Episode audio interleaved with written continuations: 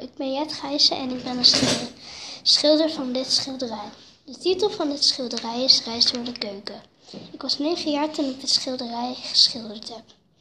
Precies te zijn heb ik het op 6 februari 2020 op de Martin Luther King School gemaakt in groep 6.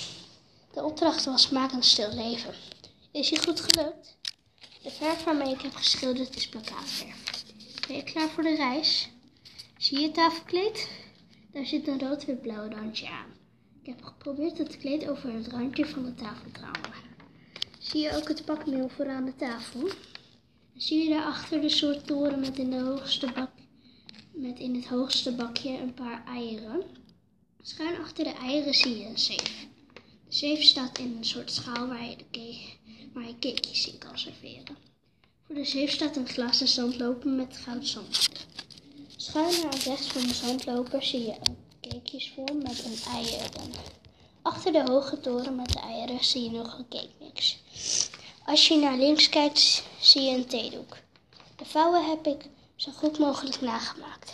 Achter de theedoek zie je een pot met meel of bloem. Krijg je ook zin in, zin in taart? De bakspullen staan al klaar, dus bak maar. PS. Een stil leven is geschilderd of gefotografeerd. Dit stil leven is geschilderd. Een stil leven bestaat uit dingen die niet uit zichzelf kunnen bewegen.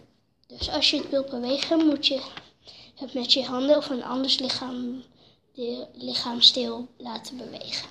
Dat was de reis door de keuken.